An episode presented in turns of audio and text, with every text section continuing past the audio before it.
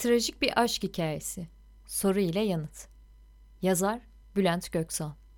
Soru ile yanıt ilişkisi insanın zihin evreninde süren belki de en hazin, en trajik ilişkidir. Bir yönüyle Yunan mitolojisini andırıyor. Ölümsüz bir tanrıça, burada tanrıça soru oluyor ile fani bir insanoğlu, fani insanoğlu da yanıt arasında sonu mutlaka ayrılıkla bitecek acıklı bir aşk hikayesi. Hikayede trajediyi oluşturan bu iki karakterin birbirlerine olan aşkı değil aslında. Bu hikayeyi böylesine trajik, hatta trajikomik yapan yanıtın zamanla soru gibi ölümsüz olabileceğine, ilelebet var olabileceğine inanıp kendini bir tanrı olarak görmeye başlaması. Tanrıçasıyla sonsuza dek birlikte yaşayabileceğine inanması. Devri sona erdiği ilk gün sorunun kendine yeni bir yanıt bulup bu sefer de ona aşık olacağını öngörememesi. Bu trajedide sorunun da payı var kuşkusuz. Onun hatası da yanıtın o göz kamaştıran güzelliğinin, özellikle de o eşsiz zekasının karşısında tüm sağduyusunu yitirip kendi eliyle yarattığı bir faniyi tüm dünyaya hayatının biricik ve değişmez aşkı ilan etmesi.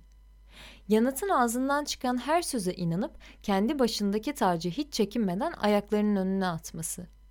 Aynı şeyi daha önce yüzlerce hatta belki de binlerce kez yaşamasına rağmen hala her yanıtı kendisini tamamlayacak eksik parçası sanması.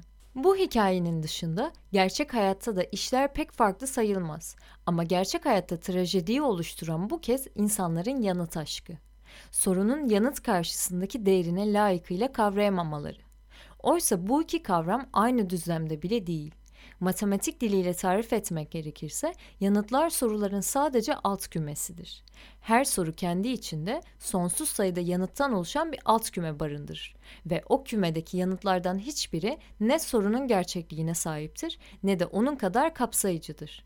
Hatta diyebiliriz ki yanıtların varlık amacı sadece sorunun zaman içinde olgunlaşmasını, insan zihnine daha iyi hizmet vermesini sağlamaktır. O kadar. Öte yandan bu iki kavramın insan zihninin şekillenmesinde belirleyici bir yanı da var.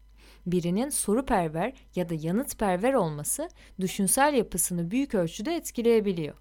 Ve bu etkiyi insanlarda gözlemlemek hiç de zor olmuyor. Mesela yanıtperverlerin yanıtlara düşkünlüğü, hatta ambarlarında mal gibi yanıt biriktirme merakları onları bir yere kadar zengin gösterse de düşünce esnekliğinden yoksunlukları sürekli yerlerinde saymalarına neden olabiliyor.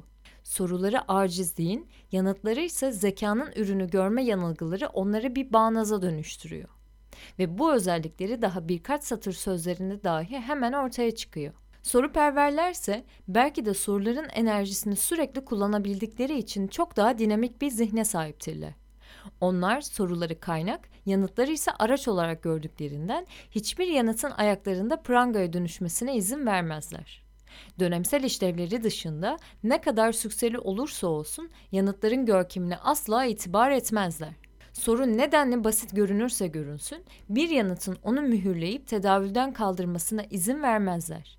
Yanıtları sadece soruyu dönüştürme becerisi bakımından anlamlı görürler. Başka bir tanımla soru perverler için yanıt bugün, soruysa zaman gibidir. Yanıt perverlerin anlayamadığı da budur işte.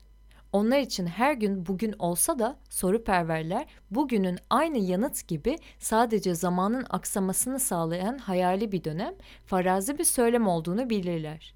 Yanıt denilen şeylerin tıpkı gün, ay ya da yıl gibi hem süreli hem de izafi şeyler olduğunu asla göz ardı etmezler.